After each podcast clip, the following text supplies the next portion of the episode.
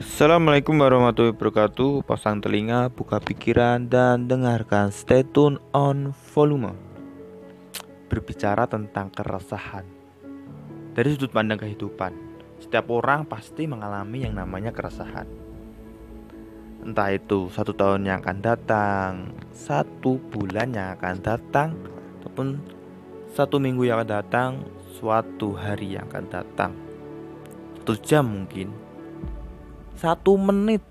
Apalagi satu detik pasti. Saat-saat yang genting saat-saat yang resah yang mana kita meresahkan antara perjodohan rezeki jodoh perjodohan atau percintaan itu. Kemudian kesuksesan kemapanan dalam hidup makan dan minum.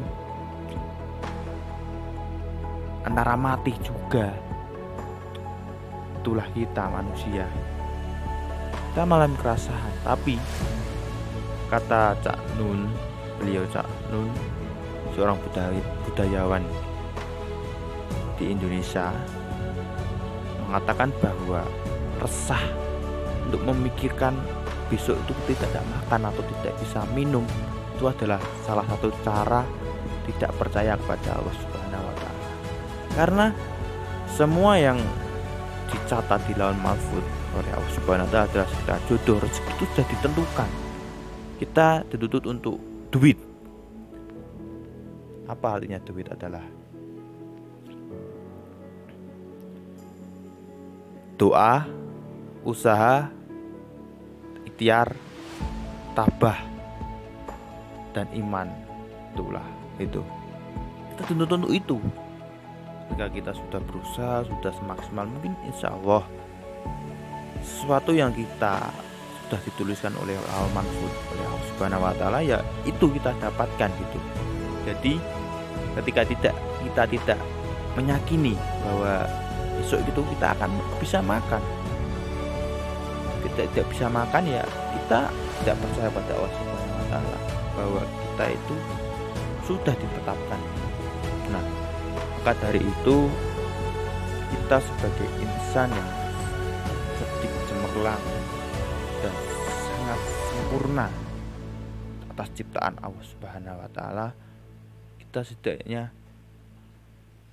mempercayai bahwa esok itu akan ada hari yang mana kita telah ditetapkan bahwa hidup ini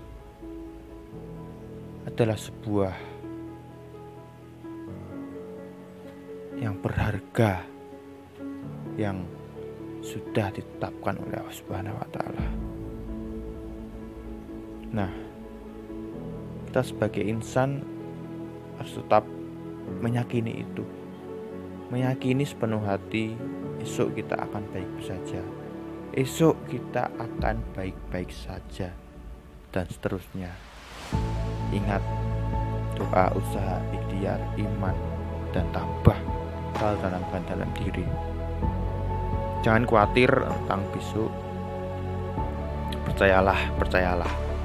Itu adalah cara kita untuk percaya pada Allah Subhanahu wa taala dan cara kita bersyukur pada Allah Subhanahu wa taala. Mungkin itu yang bisa saya sampaikan, kurang lebihnya mohon maaf.